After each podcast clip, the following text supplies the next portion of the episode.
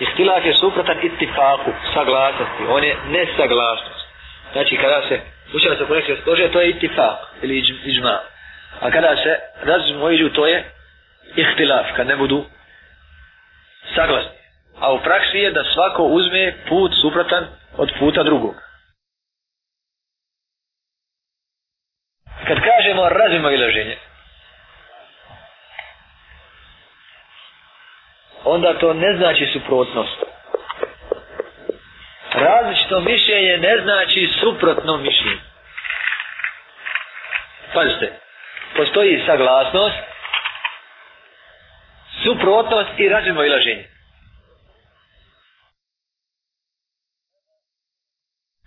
Tako da, da, da, da znamo kad ja i ti imamo dva mišljenja, možemo imati isto, to je ti fakt.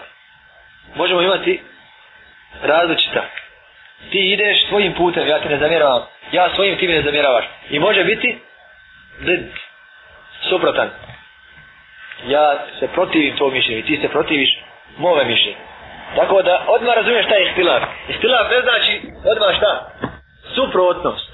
Ne znači suprotstavljan. Nego znači razmo ilaženje. Ti jedni, ja drugi. A ne znači ti nasuprot mene, ja nasuprot tebe. Jer često ljudi i tako shvate razmišljaš.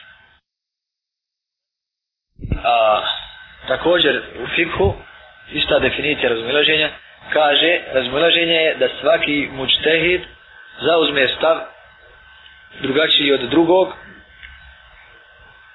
tako da nema saglasa, tako da nisu znači jedno mišljenje.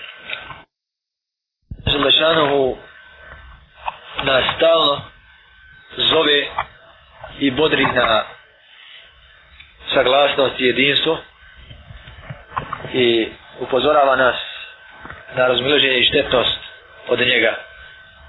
Pa jedan od ajeta u tom značenju je ajet, ovaj vaš ummet je jedan ummet, znači da se ne cijepa ummet. Inne hezi ummetuku metaku ummetu wahide. Zaista ovaj vaš ummet je jedan ummet kaže dalje subhanahu wa ta'ala a ja sam a ja sam vam Bog pa me obožavajte pa kaže i ne budite kao oni koji su se podijelili i pocijepali prije vas nakon što im je istina došla misli na narode prije nas